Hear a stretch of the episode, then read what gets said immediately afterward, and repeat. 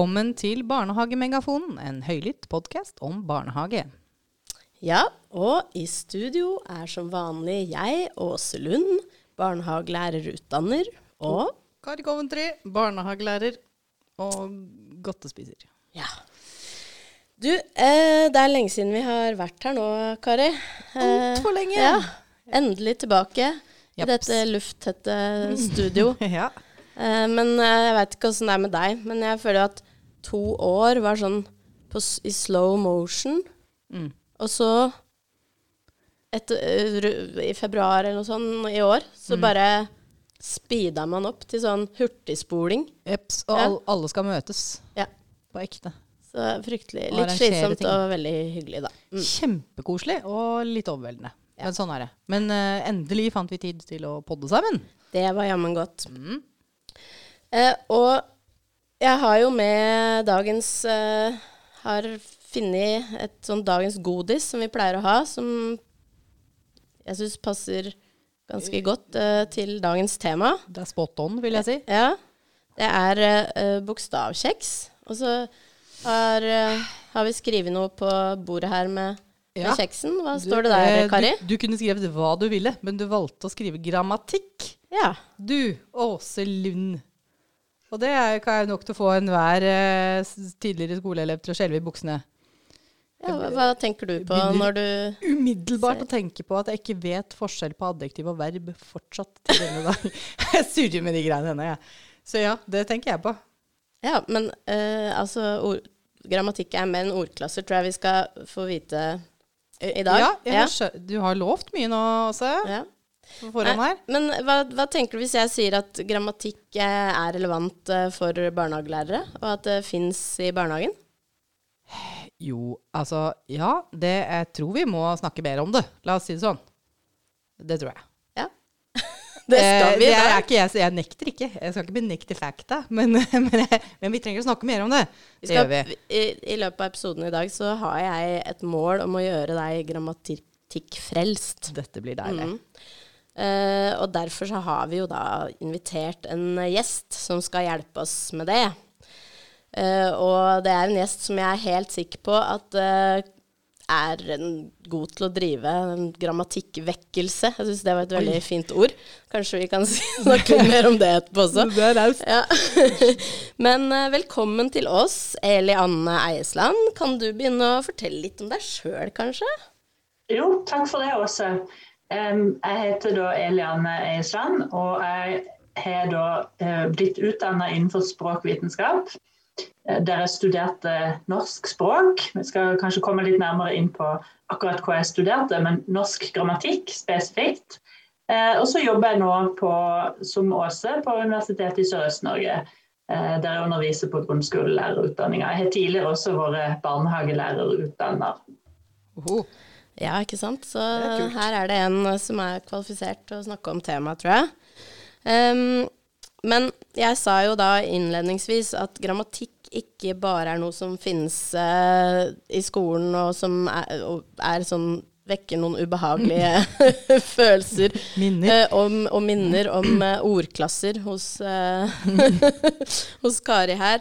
Men at det også finnes i barnehagen.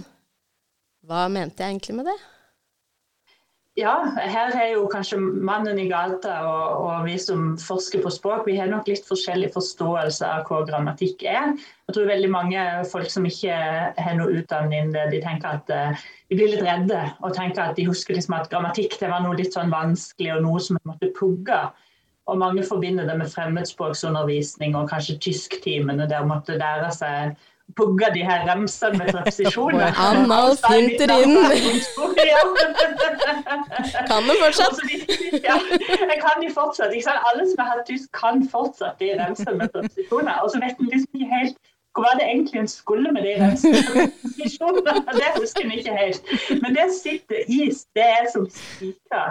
Um, vi som jobber med språk, vi har en litt annen definisjon av grammatikk. For det første så har vi en altså Den kan skille mellom et normativt og et deskriptivt grammatikksyn. Um, og det normative det er sånn, kanskje sånn som en forbinder med skoler, med norsklærere med rød blyant. og ikke sant, At noe er rett og noe er galt, og at en skal lære seg gjerne noe litt sånn vanskelig som en ikke helt skjønner. da, uh, Forskjellen på da og når, f.eks., eller òg og òg. Uh, men vi språkforskere vi er ikke så interessert i hva som er på en måte rett og galt. Vi er bare interessert i å beskrive hva er det egentlig taleren, språkbrukeren, hva er det egentlig de gjør når de prater, hva er det de sier? Så Jeg har f.eks. sammen med en kollega skrevet en artikkel eh, tidligere om dette her fenomenet ei lita tur. Eh, å ta seg ei lita øl og ta det, tror, det, har du sagt, Kari. Det sier jeg ofte. Nå traff du spikeren. Da, da ville jo noen som var på en måte normativt anlagt, ville sagt ja, det er feil, fordi det ikke sant, det er ho-kjønn eh, ei, og så ja, substantiv som, som ikke er ho-kjønn. Men vi var jo ikke interessert i det når vi forska på det. Da var vi interessert i hvorfor sier de egentlig sånn, og hva betyr det egentlig når, når en sier sånn. Um, og det handler litt om å ufarliggjøre um, det som en sier da. Um, så vi forsker, språkforskere vi forsker jo på språk, det er språk som er studieobjektet. Og da blir det litt sånn å drive rette på folk uh, for en språkforsker. Det blir litt som hvis en ornitolog skulle begynt å kritisere pingvinene fordi de er så late så de kan ikke fly.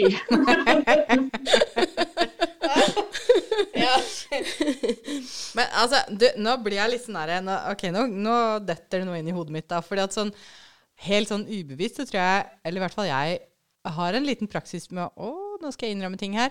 Um, jeg retter ikke på barn sånn Nå, nå sa du feil. Gjør, si så. Men det er en sånn innlært greie å si sånn Gjenta det barna sier, men på riktig måte. Har du vært borti det også?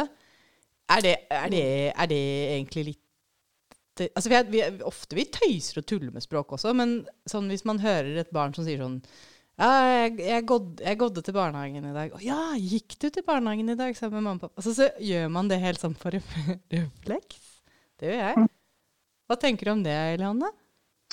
Jeg syns ikke det er så farlig, egentlig, så lenge en er bevisst på at uh, barn flest oppfatter ikke det, oppfatter ikke når de blir på en måte retta på.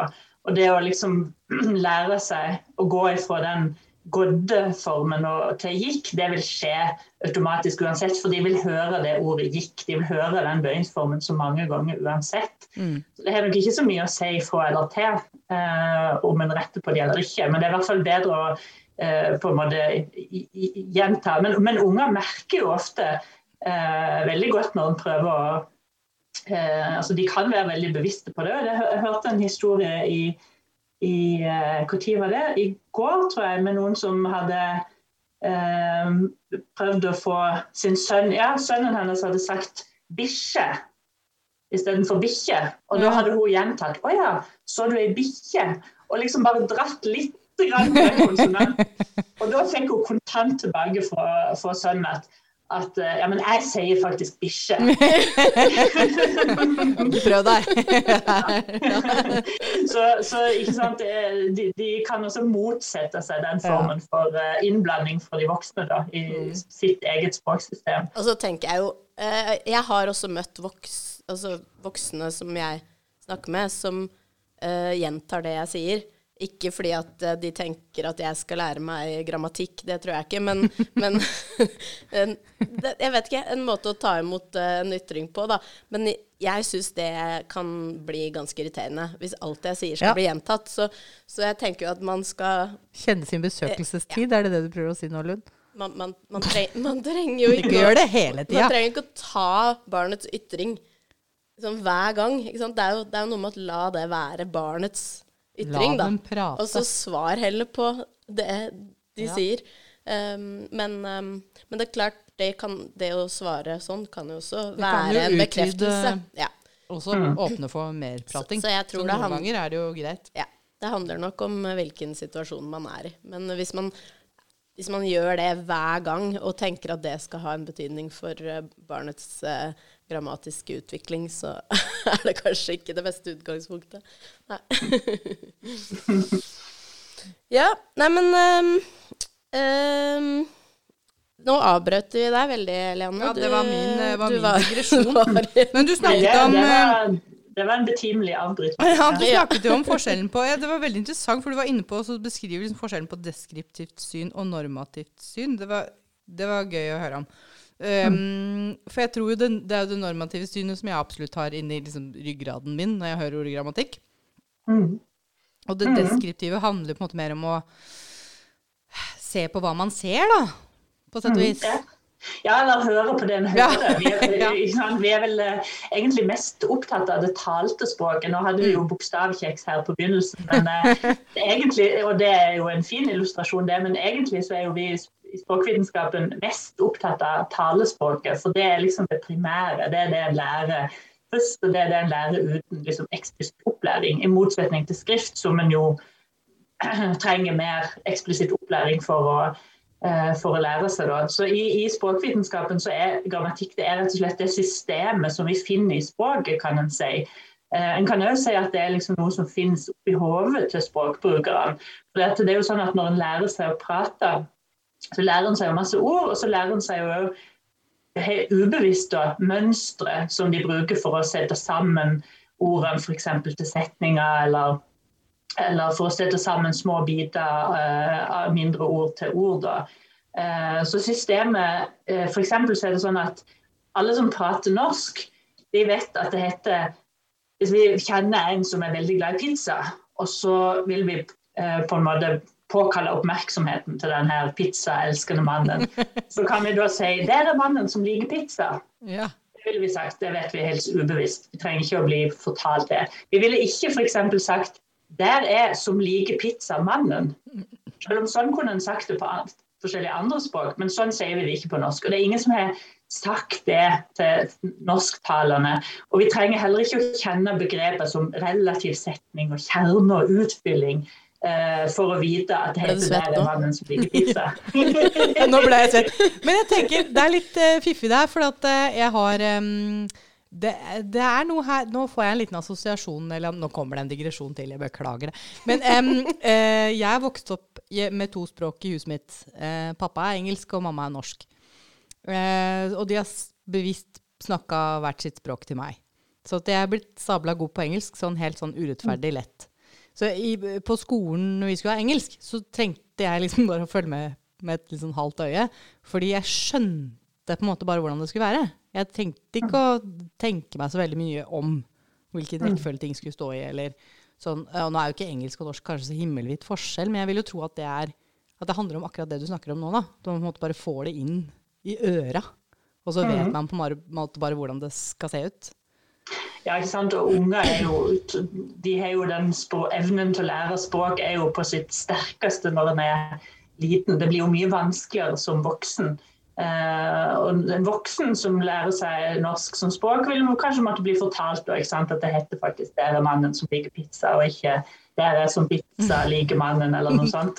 Uh, så det blir vanskeligere jo, jo eldre en blir, dessverre. Som, som mye annet blir det verre når en blir eldre.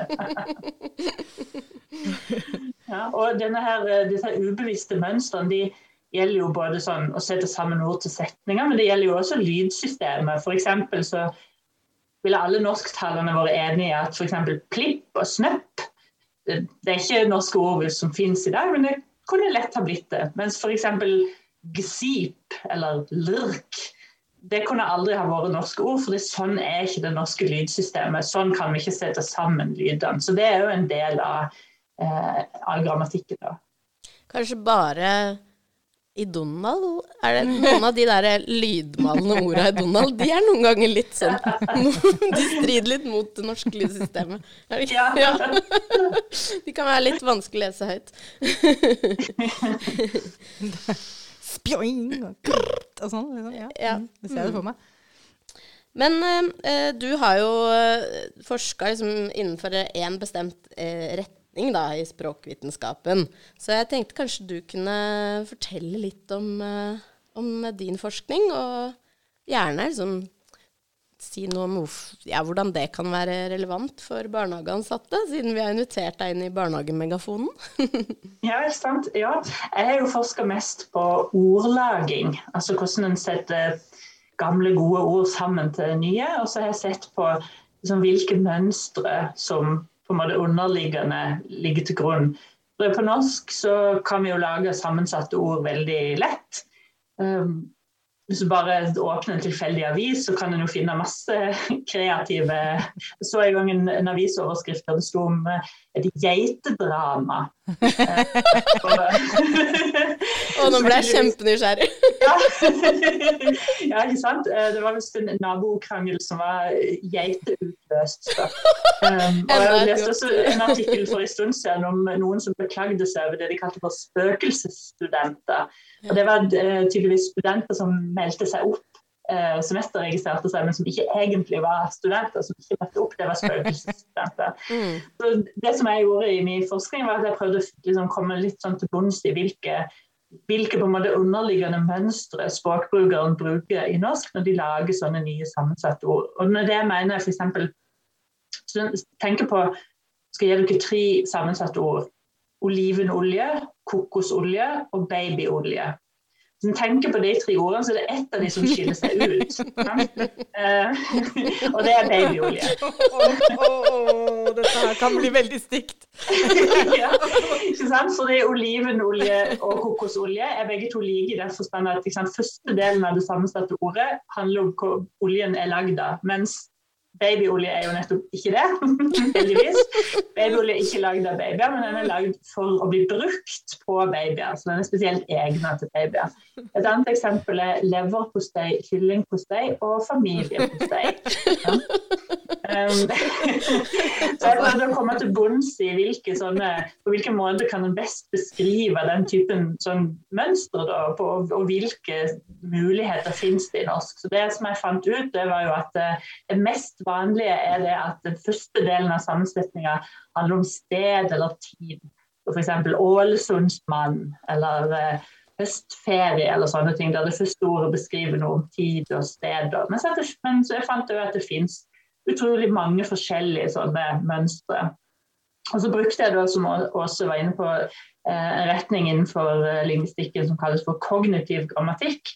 Og den er bruksbasert. Det betyr at grammatikken er på en måte en antakelse om at grammatikken, altså de mønstrene i hodene til språkbrukeren, den har oppstått på grunnlag av erfaring med språkbruk. Sånn at du må, du må liksom erfare masse språkbruk, og så vil du danne deg noen sånne ubevisste mønstre basert på input.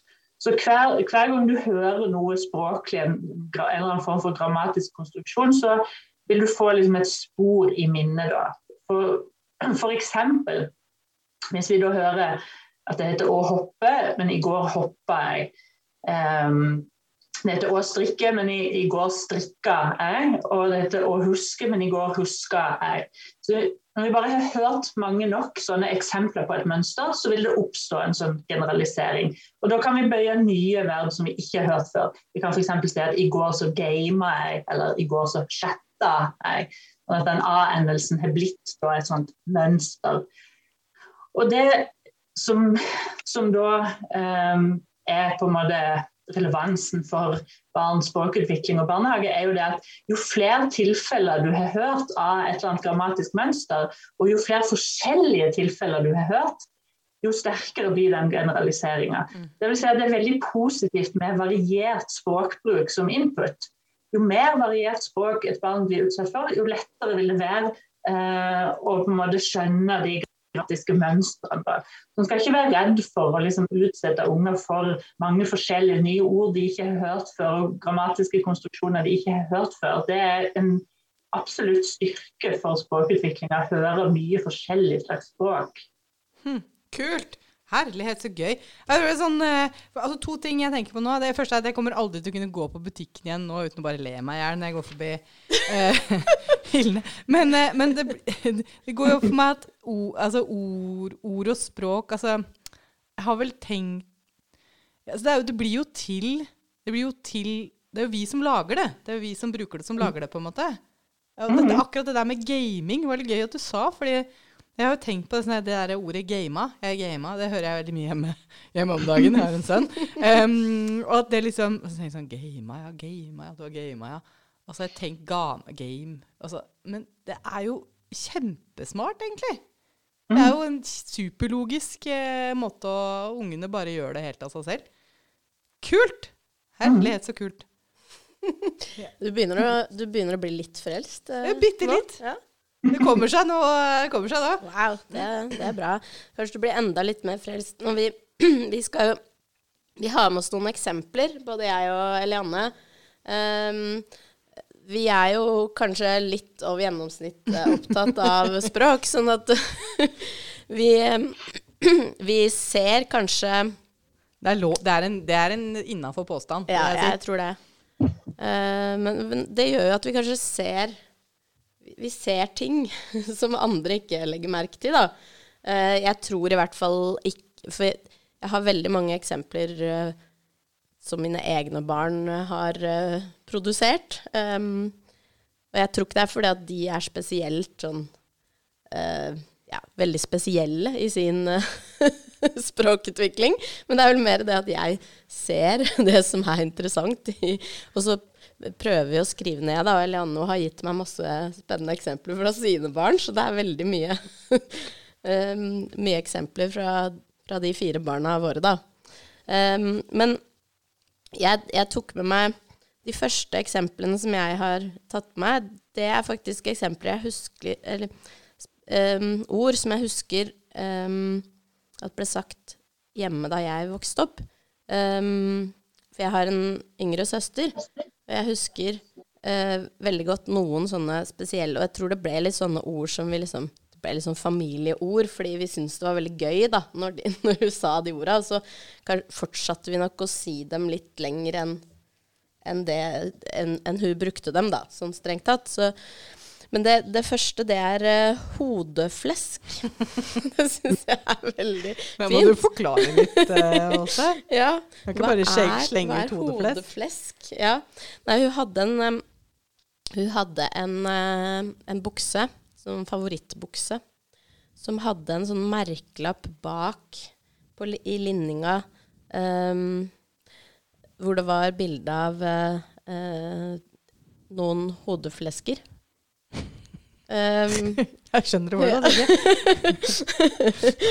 som ville veldig ofte ha, uh, ha på seg hodeflesk ikk- Buska. buska Gjerne. Mm. Ja. Um, men um, det er eh, det, det var da en bukse med uh, flodhestmerkelapp. Ah, selvfølgelig. Ja, det makes sense. De ser litt ut som de har hodeflesk. Ja, Men ja. Mm. ja men, eh, men, men det, Ja, skjønner.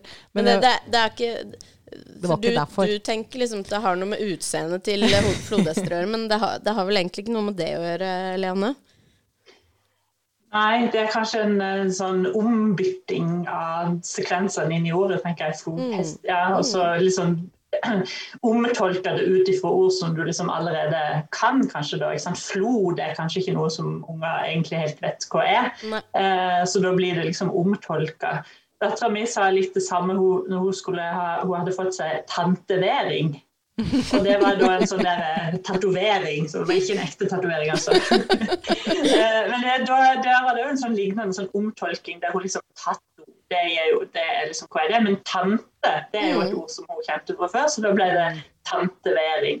Og sammen med, med at hun kalte diamanter for dinomanter. Da var det jo liksom Komme seg inn en sånn dino. Ja ja, det er jo mye snakk om, så da, da blir det dinomant.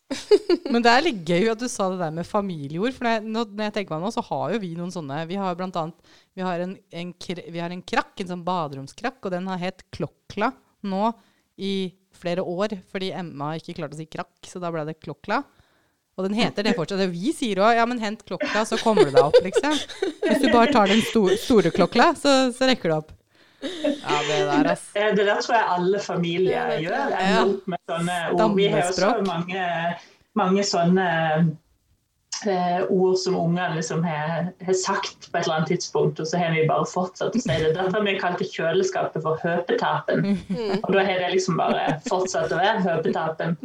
Og ikke minst sånne eh, besteforeldreord, sant, som ofte blir værende. Når folk sier sånn moffa og Ja og ja. sånne ting, så har det jo ofte sin opprinnelse i at barna ikke har klart henger. å si morfar. Og de er kjære, de ordene. er Veldig ømme. Sønnen min sa, eh, kalte morfar for Moses. Eh, dessverre så ble det ikke værende. Han var veldig lei seg for det. Ja, den er fin. Ja, nei, men um, um, det, altså, Disse eksemplene her, de har jo har de, de har noe med lydsystemet å gjøre, ikke sant, eh, Eliane? Og så kan de jo ha, som du sier, også noe med at de støtter seg på, på kjente ord som de allerede kan. Mm. Veldig spennende. Eh, så, så jeg tenker eh, alle har sikkert noen sånne eksempler hjemme som eh, nå, nå kanskje etter å ha hørt dette her, så begynner man å lete litt mer etter de. Ja. Det er jo gøy. Det er kjempespennende. Eh, jeg tok også med meg noen eh, Du har jo snakka en del om eh, sammensetninger, Eliane. Og at det er en måte å lage nye ord på i norsk. Og det utnytter jo barn til fulle når de oppdager det systemet der. Det kan jo gi noen utrolig ja, spennende ord. For det, altså, det er jo en veldig sånn god strategi òg, da, når man ikke har altså, Hvis man ikke klarer å eh, finne et ord, eller ikke har et ord for noe, Så så, så kan du bare lage et nytt av noen ord du kjenner fra før. Det er jo ganske genialt. Og så er det, det er liksom Det er jo veldig sånn produktivt. Du, du kan lage sammensatte ord av eh, Ja, i det Ja, uendelige. Ja. Ja, ja. Helt uten stopp, ja. Ja, altså, jeg, jeg, tok med, jeg tok med et som Som em, min sønn eh, sa en gang vi var i Akebakken. Uh, han irriterte seg veldig over at uh, voksne som går i akebakken, lager sånne digre høl i akebakken. Så når du er aker over dem, så bare øh, øh, humper det, og det er ganske ubehagelig. Eh, og de høla de, de har kanskje Ja, hva skal man kalle dem? Så, men eh, han irriterte seg veldig over disse voksenhøla. Så får du sikkert litt andre assosiasjoner Ja, til det men, men uh, ja. Eh, og så har jeg hørt Jeg er ikke sikker på hvor det eksempelet kom fra, men uh, puppebriller òg er ganske morsomt, da. Er det en BH? ja, eller bikinitopp. Men jeg kan se den. Svømmebriller, ikke sant? Han Ja, på seg ja. svømmehallen. Jeg har svømmebriller. Mamma har puppebriller. ja, ikke sant? Men det viser jo hvor, hvor gode unger er til å utnytte de språklige ressursene som er der. Når de ikke vet helt hva det heter, så bare lager de noe på den. Og så er det jo helt forståelig. Mm. Dattera mi sa en gang hun så bilde av en, en båt med åre, og da sa hun mamma se på de vannspadene. Ah, Ja, vannspad. Ja, den er nice. Du graver jo i vannet på en måte. Ja. Helt logisk. og, men eh, du snakka jo litt om du had, at du har, i din forskning har sett på ulike mønstre i disse sammensetningene. Jeg vet ikke om du fant uh, sammensetninger med egennavn, men jo, eh, jo du, du nevnte Ålesundmannen og Ja. Men, um, men det var en periode hvor, hvor uh, min yngste sønn han brukte sitt eget navn foran andre ord eh, i veldig mange sammenhenger. Og da jeg, jeg, så- jeg, så på det, så, så tenkte jeg at dette her er for å forsterke ytringa. Så for eksempel at uh, hvis det var noe han ikke ville ha på seg, så kunne han si det, det der er ingen alfebukse. Nei, den her passer ikke til Han kan jo ikke ha på seg noe som ikke er en alfebukse. Selvfølgelig ikke. Eller at uh, det her er en alfeis, hvis man, noe man har veldig lyst på. så kan man liksom sette sitt eget navn foran. Så det er sånn, det, du, du, kan, du kan jo ikke nekte et barn å ikke få hans. noe som er hans. Så Den er veldig smart. god strategi. Ja, det var veldig lurt, for det ligger jo liksom i Når man lager sånn med et eget navn, så ligger det jo liksom noe med tilhørighet i. ikke sant? Litt sånn som at ja, en, en, eh, en Ålesundsmann er en mann for Ålesund, og en alfebukse er en bukse som er på en måte knytta. Det er jo ofte en sånn sammenheng da mellom de to ordene. Så det er ve veldig smart. Mm. Og så tror jeg de her Det er noen andre eksempler, for at eh, eh, Nå har vi jo stort sett vel hatt eksempler med, med substantiv, men så eh, Jeg tror noen av de her kommer fra, fra deg og Elianne, med, med mm, adjektiv, sammensatte adjektiv. køllyst, glomjukt og isvarmt. Ja, det, det det, er glomjukt. Det var det, det, var det dattera mi som sa, og det er jo egentlig helt genialt når jeg hørte det. Altså, dette var i forbindelse med at hun må jo, hun må ha vært ganske liten. Hun må ha vært sånn typ to år, for hun var så liten at hun ikke um, kunne tørke seg sjøl etter at hun hadde vært på do. Eh, så husker at hun eh, forlangte da at pappa skulle komme og tørke henne når hun var ferdig, fordi han tørka så mjukt. Han tørka glomjukt. Um, og da liksom, liksom den der glo bruker hun da som et sånn forsterkende, eh, forsterkende element. Men så er det jo bare det at glo egentlig det, det, heter vel egentlig, det brukes vel egentlig bare på varmt, glovarmt. Eh, men, men så er jo det et sånt mønster at du liksom kan legge til en sånn forsterkende ledd foran adjektiv. Liksom kan ha kjempestor og, og dritstor og, og, og alle mulige sånne ting. Og ja, hvorfor skal ikke glo være det samme? på en måte? Hun har ikke noe forhold til hvor glo egentlig er. ikke sant? Så da bare omtolker hun det som en sånn generell, akkurat samme som kjempe, på en måte, og så bare setter det på. Så da, da er det glomjukt. Isvarmt òg er jo veldig fint, da. Det. Ja, ikke sant? Mm. Og det er generelt, vi er generelt veldig glad i å liksom ta i litt når vi bruker Ja. språket. Så det, dette her er jo ganske vanlig, det her med de forsterkende forledene foran kjempe og dritt og alt mulig sånn. Og, ja, så det, det, det gjenspeiler vel et sånn generelt menneskelig ønske om å ta litt hardt i.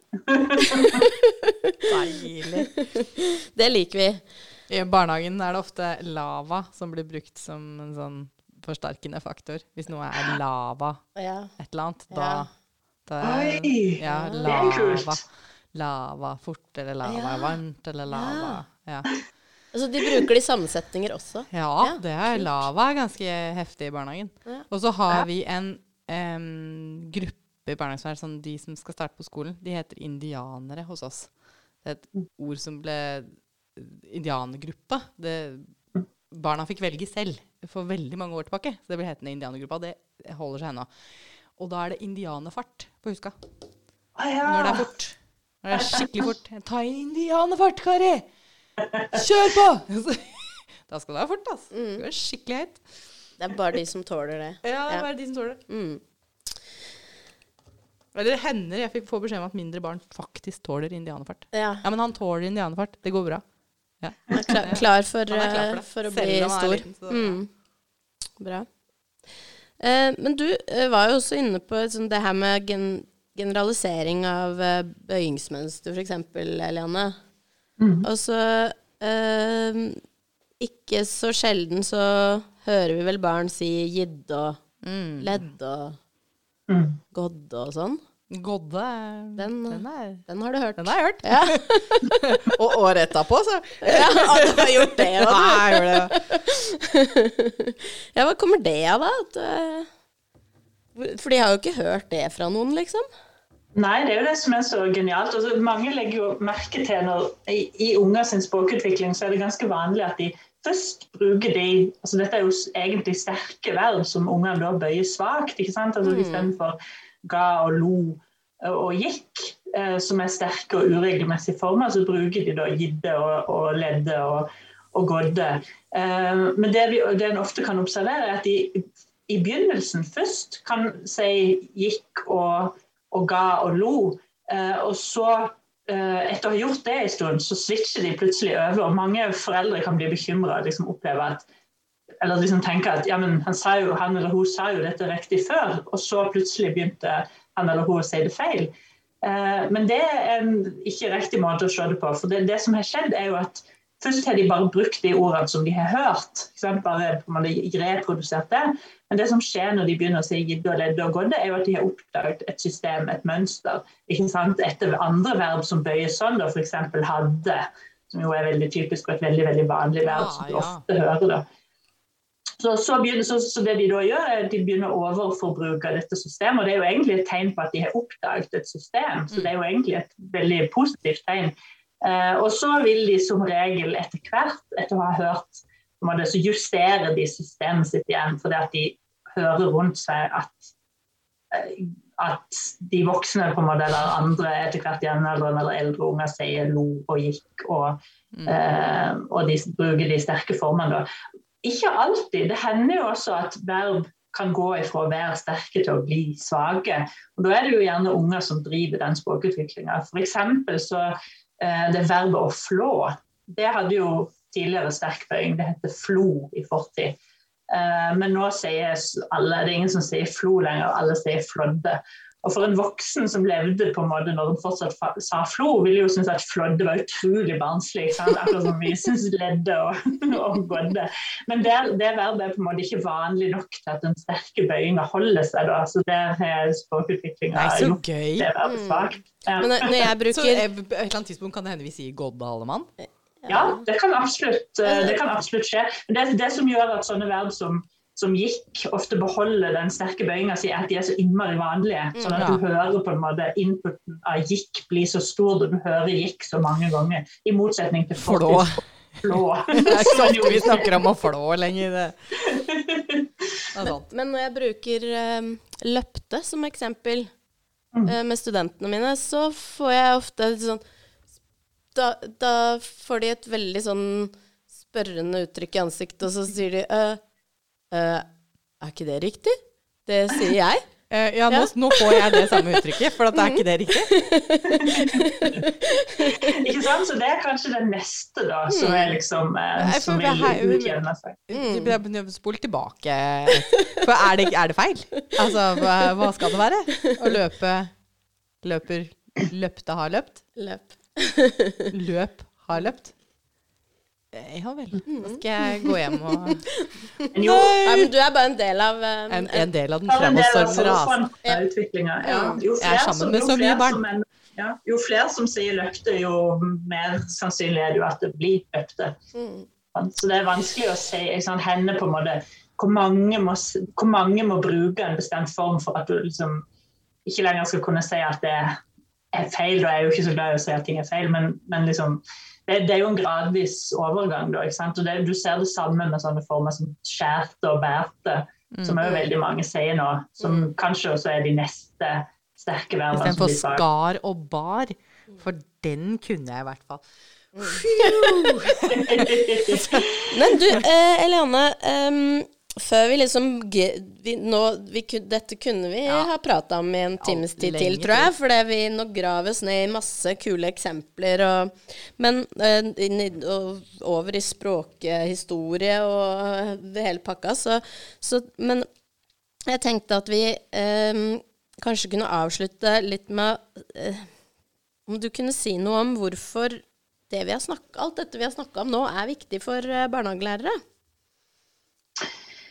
Ja, jeg tenker at det er viktig å være klar over dette her med språklige mønstre. Altså på, på, på, den ene sida fordi det er viktig å være klar over hvor viktig det er med variert input, men òg at det er veldig viktig med å leke med språket og tøyse med språket. At det er gunstig for både muntlig språkutvikling og etter hvert for, for skriftlig språkutvikling. Altså det å være språklig bevisst er jo en veldig viktig egenskap som vi ønsker å legger til rette for. Og Det å kunne undre seg over språk og tøyse og tulle med språk er jo med på å bygge opp den type språklig bevissthet. Og Unger kan jo stille utrolig skarpe spørsmål om språk, eh, som viser at de er veldig, veldig skarpe og veldig observante, eh, og kan liksom oppfatte mye, eh, mye nyanser i språket. En av mine unger spurte f.eks. Eh, hun hadde lagt merke til at det er jo litt rart at vi sier, eh, vi sier det er kaldt, men den er kald. Så lurte jeg på hvorfor det het, noen ganger heter mm. kaldt, og noen ganger heter kald. Det er jo egentlig en ganske avansert uh, ting å legge merke til. Mm. Uh, og så prater jeg litt sammen med henne og spurte hva tror du Uh, ikke sant? Istedenfor å bare gi liksom, fasiten, som sikkert hadde vært litt kjedelig, jo det handler om grammatisk kjønn, så kan en undre seg sammen. Ja, hva, hva, kan det være? Og så kommer hun opp med mange forskjellige hypoteser da, over uh, hva det kunne være uh, som gjorde at det noen ganger het kaldt, og andre ganger het kald. Så Hun lurte f.eks. på om det kunne være sånn Hun sa ja, det heter jo et blått vindu, men en blå vinterdress. Kan det være sånn at det er gjennomsiktige ting som får Da får du en sånn T-form. Ja, så var det ikke helt det. Så kom vi liksom fram til det sammen da, med hjelp av å kikke på flere eksempler. Kjempegøy. Um, så, så, når du når barn nettopp kommer med sånne spørsmål, eller har lagt merke til trekk ved språket, hvordan skal man være som eh, voksen i møte med barn i, i de samtalene? Jeg tenker at det er kjempeviktig å, å undre seg sammen. Det tror jeg er det viktigste, at ikke liksom den voksne eh, Det er helt uh, innafor å ikke vite det. Det er jo ikke alltid en vet det, rett og slett. Noen ganger vet en det ikke i det hele tatt, men det der med å undre seg sammen. Og så er det stor, stort hell med å uh, liksom, ja, spør sånn som liksom, 'Hvorfor tror du?' og undre seg over det, det som de har observert sammen. Og da kan de gjerne komme fram til flere forskjellige ting de kan lure på og undre seg over.